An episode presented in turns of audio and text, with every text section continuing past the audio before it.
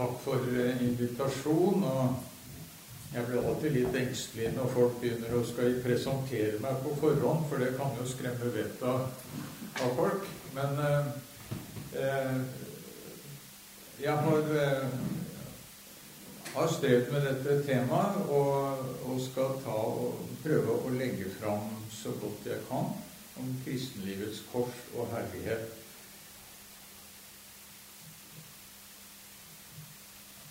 Ofte så eh, Når vi kommer inn i dette spørsmålet, så, så møter vi denne spenningen mellom krav om tegn eller bønn om hjelp.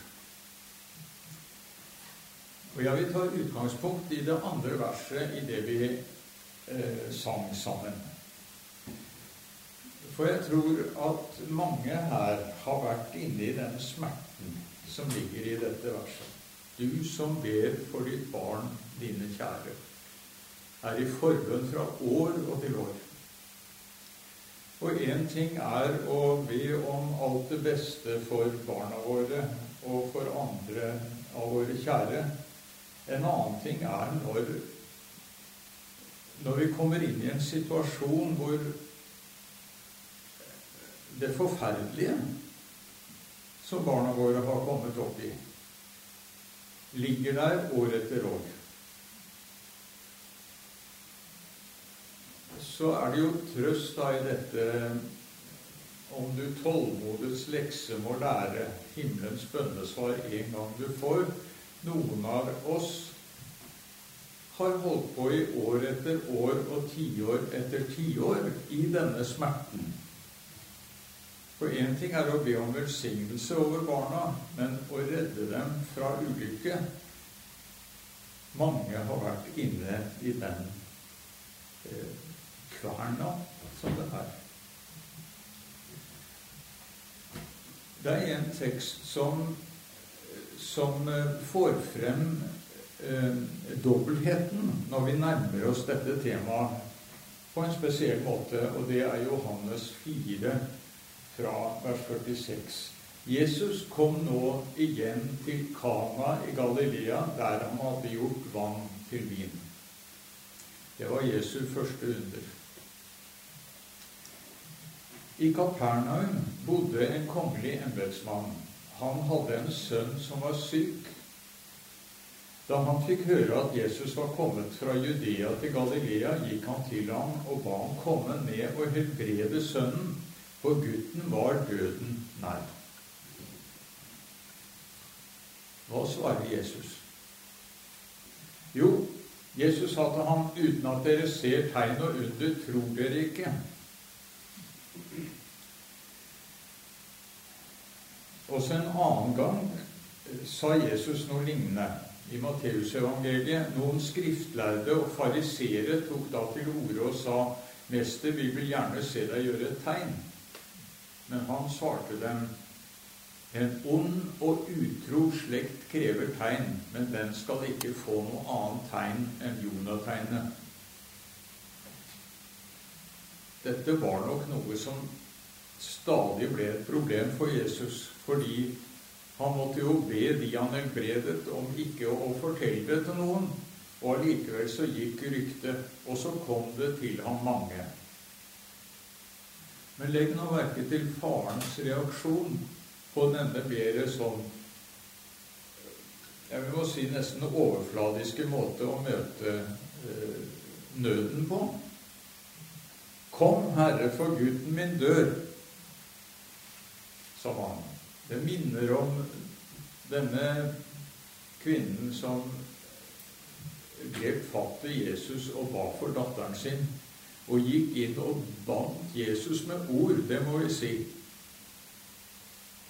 Og endelig så ga Jesus seg og helbredet datteren. Og roste denne kvinnens tro.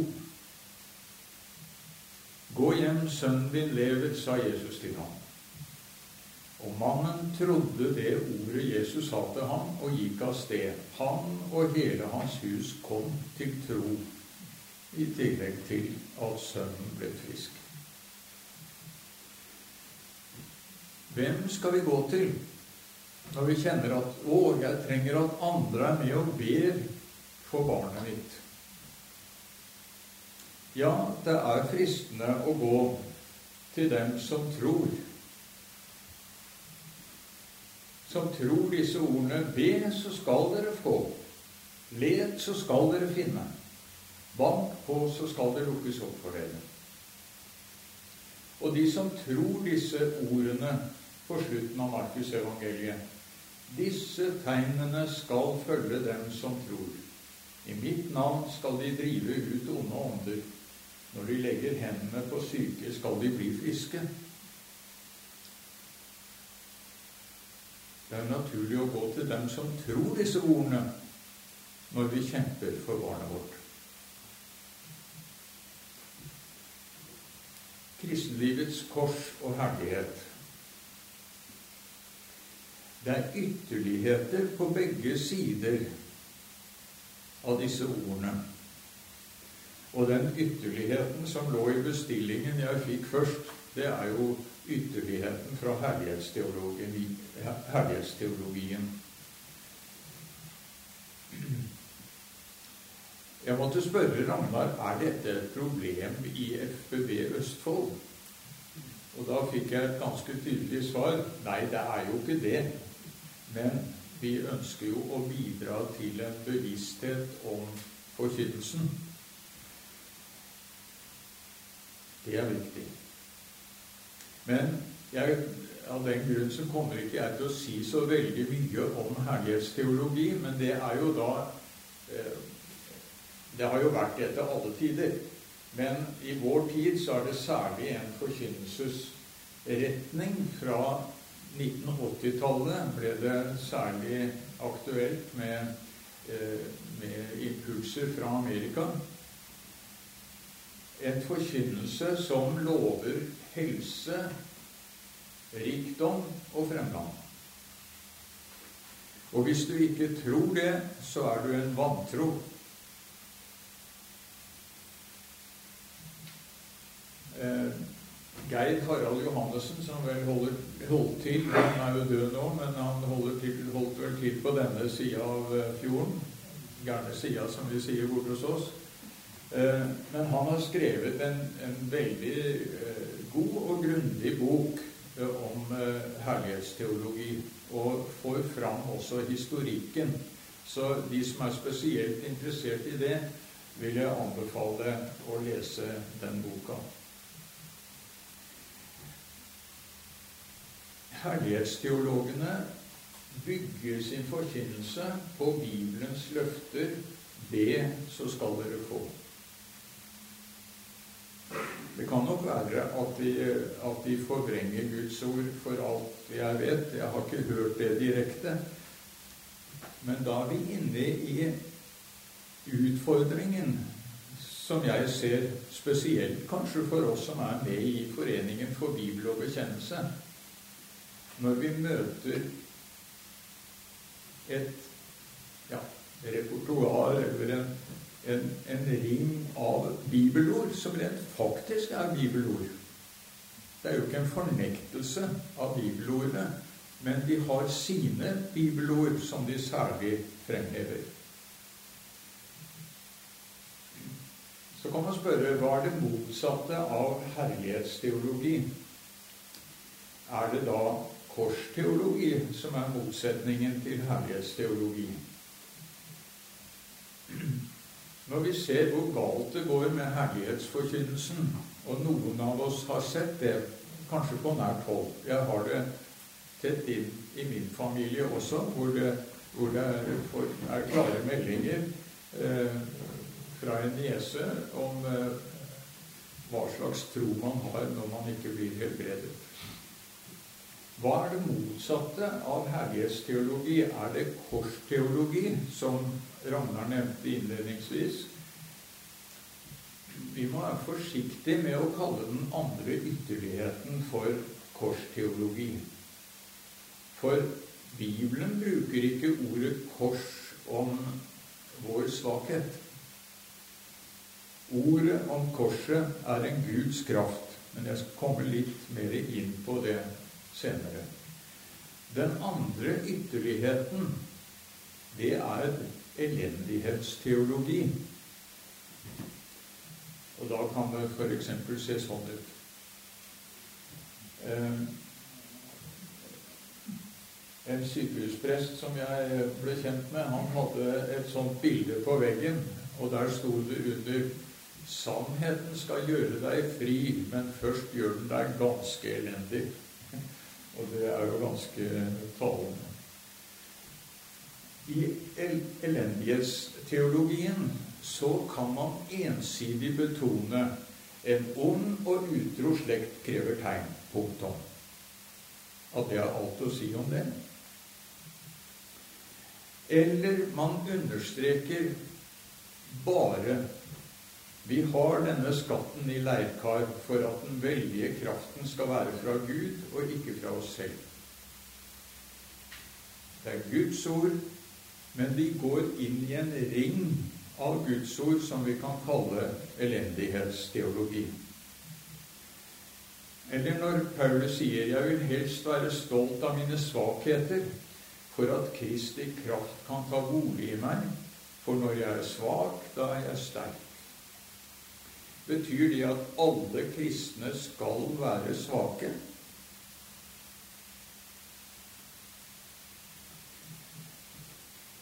Hva sier Bibelen om kristenlivets kors og herlighet? Det aller meste vi leser om kors og herlighet, gjelder Jesu kors og Jesu herlighet. De aller, aller fleste stedene når du slår opp i en bibelbok, bibelordbok, så er det om Jesus. Så har du noen få steder hvor det brukes på en litt annen måte. Korset er en Guds kraft til frelse. I 1. Korinterbrev står det sånn For ordet om korset er en dårskap for dem som går fortapt, men for oss som blir frelst, er det Guds kraft. Og så, i tillegg til eh, denne understrekningen av korset i første Korinterbrev, så har vi noen steder hvor det står om korset i kristenlivet. F.eks. i Lukas 9, 23. Jesus sa til alle, står det. Han hadde snakket til en gruppe tidligere, men så sier han til alle. Om noen vil følge etter meg, må han fornekte seg selv og hver dag ta sitt kors opp og følge meg. Det er altså en drivkraft i det å følge Jesus. Og dette utmyntes tydelig utover i Det nye testamentet mange steder, men jeg nevner spesielt fra Romerbrevet og Galaterbrevet. I Romerbrevet 6 eh, så leser vi Vi vet at vårt gamle menneske ble korsfestet med ham for at den kroppen som er underlagt synden, skulle tilintetgjøres, og vi ikke lenger skulle være slaver under synden. Og i Galaterbrevet de som hører Kristus til, har korsfestet kjøttet med dets lidenskaper og begjær.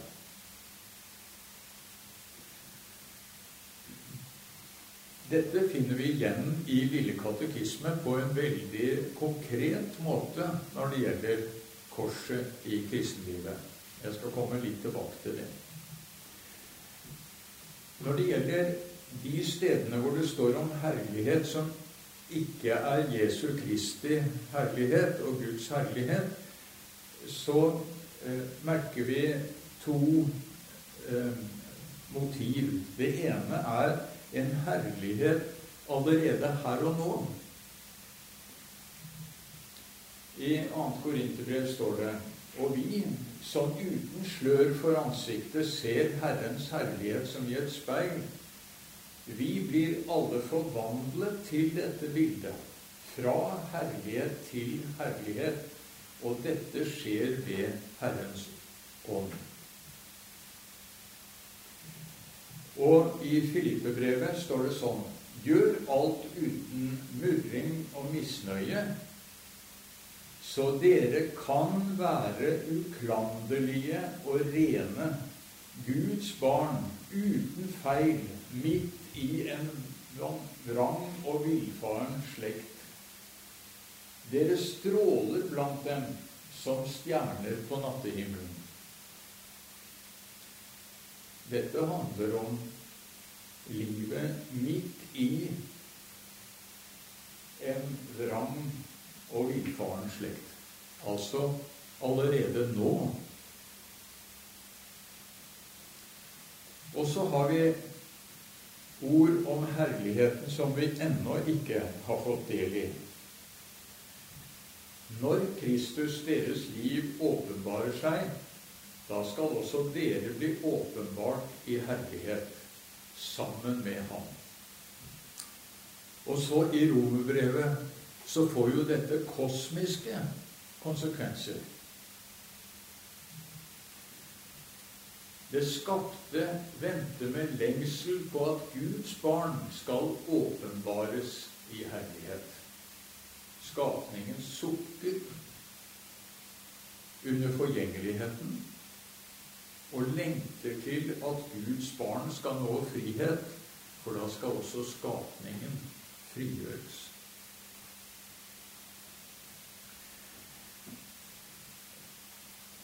Når vi snakker om korsteologi i vår sammenheng, så, så, brukes, det, så brukes korsteologi om mer enn disse dimensjonene som vi har hentet fram fra Det nye testamentet.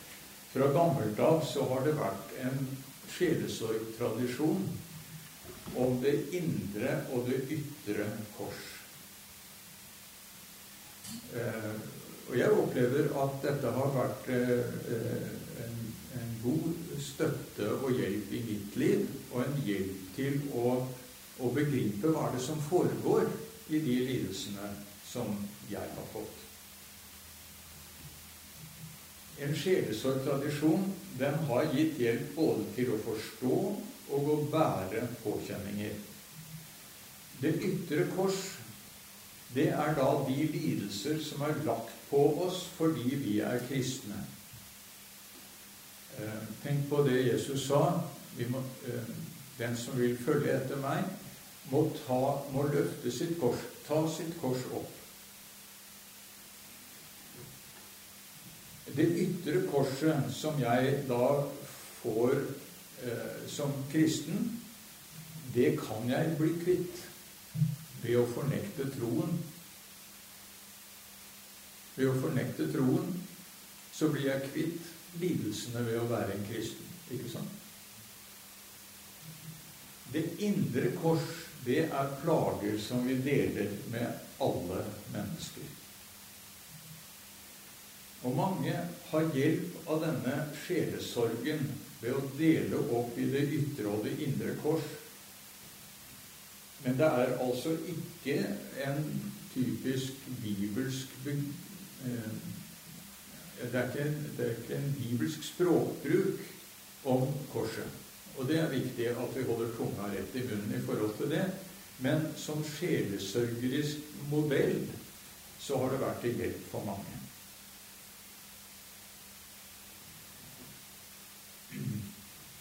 Og da kommer jeg til hvordan dette utmyntes i eh, Lille katekisme.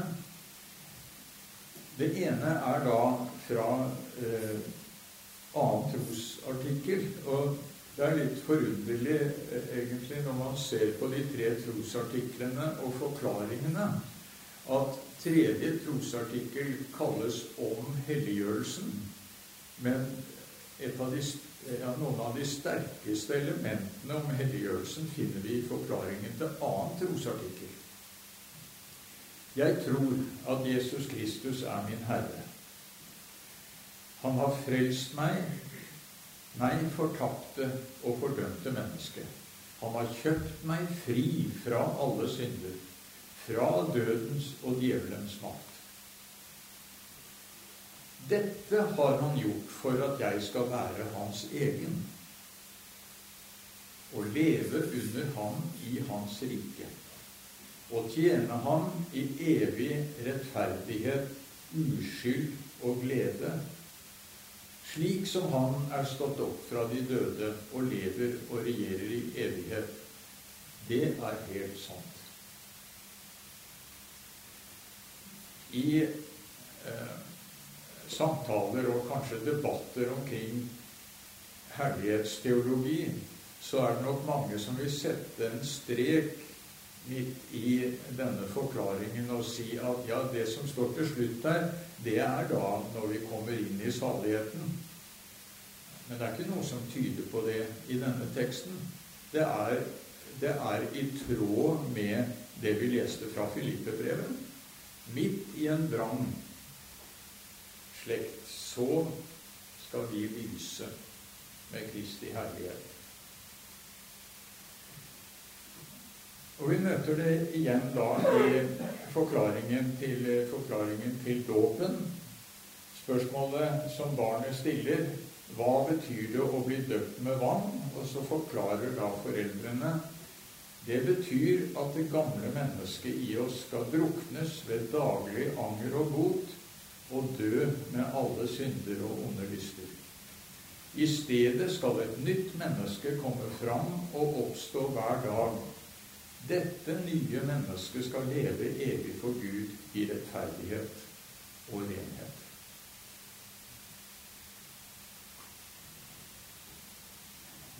Og her er jeg inne med det som for meg blir en utfordring både til meg og til oss som er i Foreningen for bibel og bekjennelse.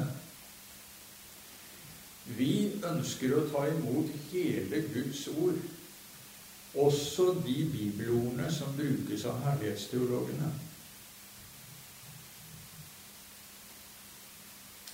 Og det er ikke vanskelig å finne dem. Be, så skal dere få. Let, så skal dere finne. Bank på, så skal det lukkes opp for dere. Jesus sa, 'Sannelig, sannelig, jeg sier dere:" Hvis dere ber Far om noe, skal Han gi dere det i mitt navn. Og han understreker det flere ganger. Hva som helst dere ber om, skal min far gi dere. Og I 1. Johannes 5,15 Når vi vet at Han hører oss hva vi enn ber om, så vet vi at vi allerede har det vi har bedt ham om. Det er en setning som mange har kjempet med. Er det da sånn at når jeg har bedt Gud om noe som jeg er helt sikker på er etter hans vilje, så har jeg allerede fått det? Ja Hvor, Hvordan foregår det? Eh, skal jeg da bestemme meg for at jo, jo, nå er barnet mitt blitt friskt? Nå er det friskt egentlig, men det bare er litt sykt. Hvordan skal jeg forholde meg til det? Det er en gåte. Jesus sa, 'Sannelig, sannelig, jeg sier dere, den som tror på meg, skal også gjøre de gjerningene jeg gjør, ja, enda større gjerninger, for jeg går til Far.' Og så da dette som jeg har vært innom, slutten av Markusevangeliet. Jesus sier og disse tegnene skal følge dem som tror. I mitt navn skal de drive ut onde ånder, og de skal tale nye tonemål, og de skal ta slanger i hendene. Om de drikker dødelig gift, skal det ikke skade dem, og når de legger hendene på syke, skal de bli friske.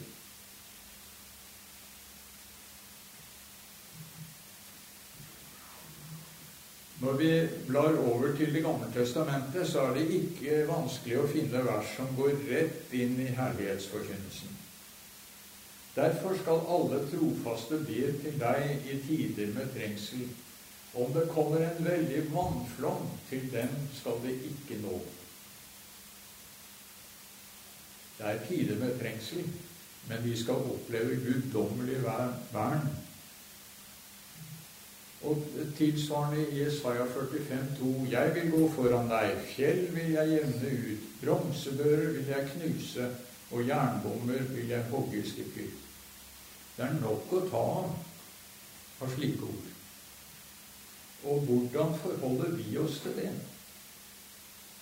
Fristelsen er jo å hekte oss fast i ord som sier Eller bare de ordene som snakker om vår svakhet, hva vi ikke får til, og våre lidelser. Det er en utfordring til oss at bibelord som vi ikke har erfart, erfart som vi ikke har erfart, det må vi la stå. Husker dere på tavla i gamle dager, når det var noe som var viktig å huske på lang tid, så skrev læreren 'la stå', og så sto den meldingen i flere dager etterpå. Vi skal ikke prøve å bortforklare det. I slutten av eh, Jakobs brev så står det om noen er syk, skal han kalle til seg menighetens eldste. De skal salve og be for den syke, og troens bønn skal reise den syke opp. Jeg har flere ganger bedt for syke og salvet dem etter lesning av dette ordet. Og jeg må si at i de fleste tilfeller har vedkommende dødd i løpet av få dager. Hvordan skal jeg leve med det? For det er jo ikke i tråd med ordet at den syke skal reises opp. Jo, jeg kan jo tolke det sånn at det er å reises opp til evig liv, men det er ikke det som står der. Hvordan lever vi med det vi ikke har erfart? For meg er det viktig å si vi må la det stå. Hvis vi prøver å bortforklare også sånne sett av ord som eh, herlighetsteologene kommer med, så kan vi komme til å gjøre vold på Guds ord ved, å, ved at i praksis blir at vi slår i hjel det ene med det andre.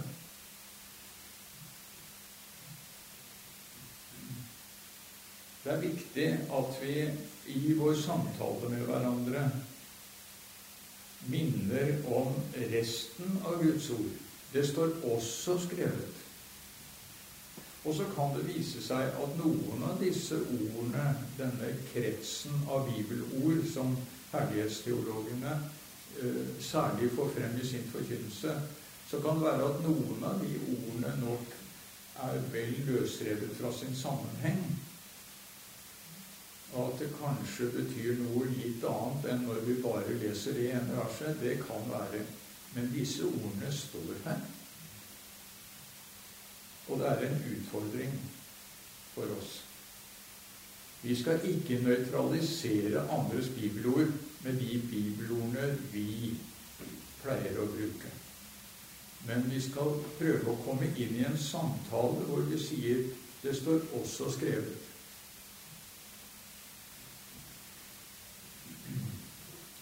Vet ikke om dere husker fra begynnelsen av eh, Samuelsbøkene om kallelsen av gutten Samuel. Der står det at det var få eh, se hvordan er det står. Det var få ord i de dager. Det var få tro. Ja. Av syder var det lite. Ja. Det skjer andre ting andre steder i verden, f.eks. I, i Thailand. I domprostiet i Tønsberg så hadde vi besøk av to prester fra Thailand.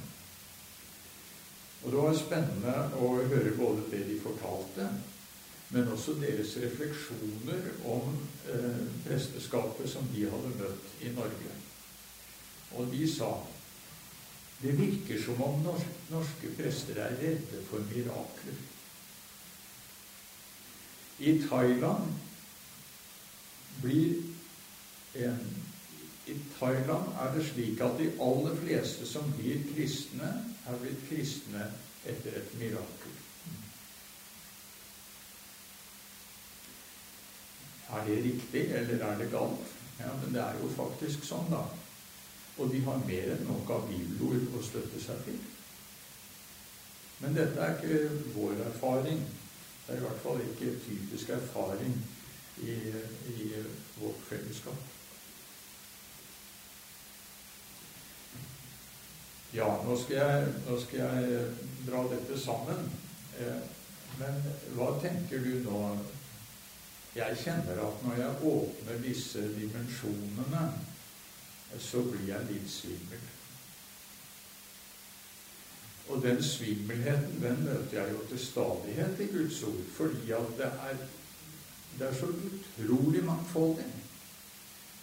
Og prøver man å få satt det sammen i en liten sånn, et lite konsentrat, så kjenner en at det er bibelord som lugger rundt omkring i forhold til dette. Jeg tenker ofte på eh, noe som jeg fikk høre da jeg var skoledagsgutt i Bergen. Og det var om en kristenrussformann i Gjøvik som hadde hatt en slitsom natt også som kristenruss med russedåp og det ene med det andre, og så skulle han holde tale på torget i Gjøvik. Og da sa han 'Jeg har bare én ting å si'. Det er ikke om å gjøre å få det der med himmelen inn i huet. Men det er om å gjøre å få huet inn i himmelen. Og sånn kjenner jeg også når det gjelder Guds ord. Det er ikke om å gjøre å få alle sider ved Guds ord inn i huet. Det tror jeg ingen klarer. Men det er jo om å gjøre at vi kommer inn i Guds ord, og at jeg kan kjenne her hører jeg til. Her er jeg hjemme. Og så kan jeg lytte. Men så er det klart at ofte så skremmer sporene når vi møter folk som forkynner på en helt annen måte enn det vi er vant med, så skremmer sporene. Vi skjønner at her er det et eller annet galt. Og så ser vi at det også kan ligge en del menneskevrak og plasker i kjølvannet etter visse typer forkjennelse.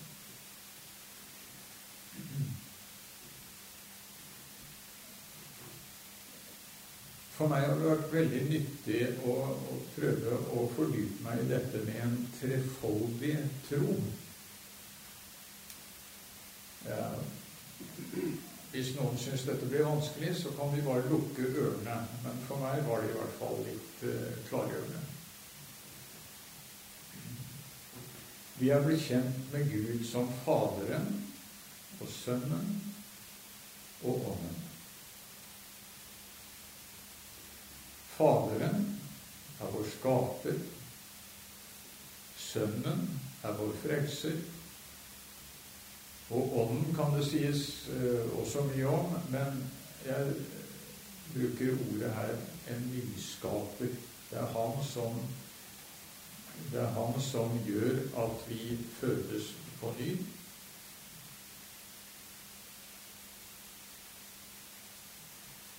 Skaperen kaller oss til tjeneste. Frelseren kaller oss ja. Og basis for dette, det er jo Fader vår bønnen. La din vilje skje på jorden. Salme 49 står det Min Gud, å gjøre din vilje Gi meg glede.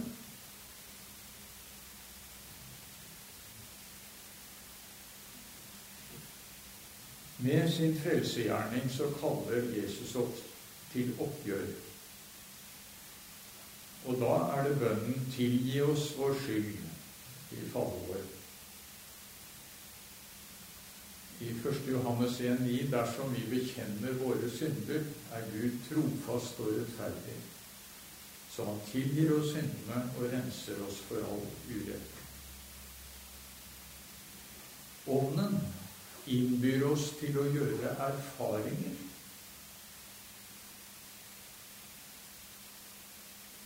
Og der er det bønnen La ditt rike komme, også her hos oss, som vi ber i, i, eh, eller sier i forklaringen til Fader vår.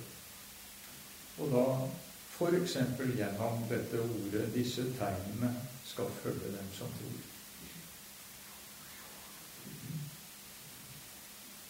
Innenfor denne store verden så må det være plass for ulike kristenprofiler. Bare hver av oss åpner oss for hele treenigheten. Noen vil ha sin eh, mest fremtredende kristenprofil i tjenesten. Og Guds lov for de som har det iblant oss. Mange i vår tradisjon har eh, soningen, tilgivelsen og frelsen, oppgjøret, bekjennelsen, som senter og profil i sin tro og i sitt kristenliv. Og noen er veldig fokusert på åndens gjerning og det å la ånden få gjøre sin gjerning både i eget liv og i det kristne fellesskapet.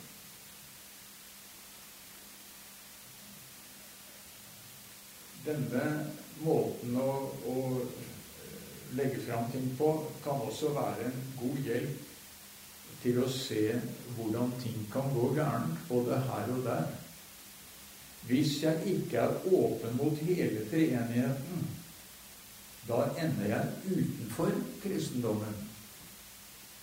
I strev, selvforakt og selvopptatthet. Hvis alt handler om tjeneste, så ender de i strev. Og det samme hvis alt handler om oppgjør, så havner vi i selvforakten. Og for det tredje hvis alt skal handle om å gjøre erfaringer, så havner vi i en selvopptatthet og ganske mange andre vonde ting. Ja, Hvis denne måten å sette det opp på kan være til nytte for deg, så vær så god. Jeg skal dele ut denne oversikten etterpå, men da får dere jo ikke rekkefølgen i det. Eh, og hvis ikke, så bare la det ligge. Helt til slutt eh, Vi startet med den makt i de folde hender, du som ber for ditt barn, dine kjære. Det er en annen salme som jeg har lyst til å henlede oppmerksomheten på til slutt. Og det er en salme som får fram enheten med Kristi lidelser. Jeg er korsfestet med Kristus. Jeg lever ikke lenger selv, men Kristus lever i meg. Ved denne mystiske eh, det er jo et uttrykk som brukes. Altså denne indre opplevelse av Kristus. Så ligger det også en trøst i trengsel. Og da tenker jeg på eh, denne flotte misjonssalmen 'Din rikssak, Jesus, være skal min største herlighet'. I annet vers Gi meg ditt ømme frelsersinn for slektens sorg og harm. Lukk meg i dine smerter inn, og gjør meg sterk og varm. Det å oppleve jeg er korsfestet med Kristus. Jeg lever ikke lenger selv, men Kristus lever i meg. Og kjenne at det også gjør at mine smerter lukkes inn i Kristi smerter. Det gir en tro og en hjelp til å bære. Og så fortsetter salmedikter Reichelt. Lær meg å skue med ditt blikk hvert folk som liv og grenser fikk, og bære verdens nød og skam med kjærlighetens offerbrann til døden tro, tålmodig, sterk og fro. I møte med ulike sånne eh, sammensetninger av bibelord, enten det nå er eh, herlighetsteologi eller elendighetsteologi, eller det f.eks. er den faste sirkel av bibelord som mange møter gjennom Jehovas vitner i dette landet, så er det viktig å stille spørsmål. Kan barn bli frelst innenfor en sånn forkynnelse? Og det andre spørsmålet som er viktig hvor er misjonen hen? Er det plass for misjon og fokus på at Guds rike skal komme også ved ordets forkynnelse og ved at mennesker kalles til omvendelse og tro, og at evangeliet forkynnes i stadig nye folkeslag. Det er viktig å ha barna og misjonen med som et korrektiv når vi setter sammen vårt repertoar av bibelord i vår forkynnelse.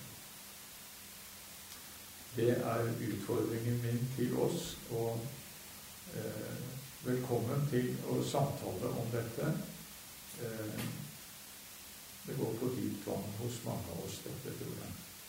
Gud velsigne dere.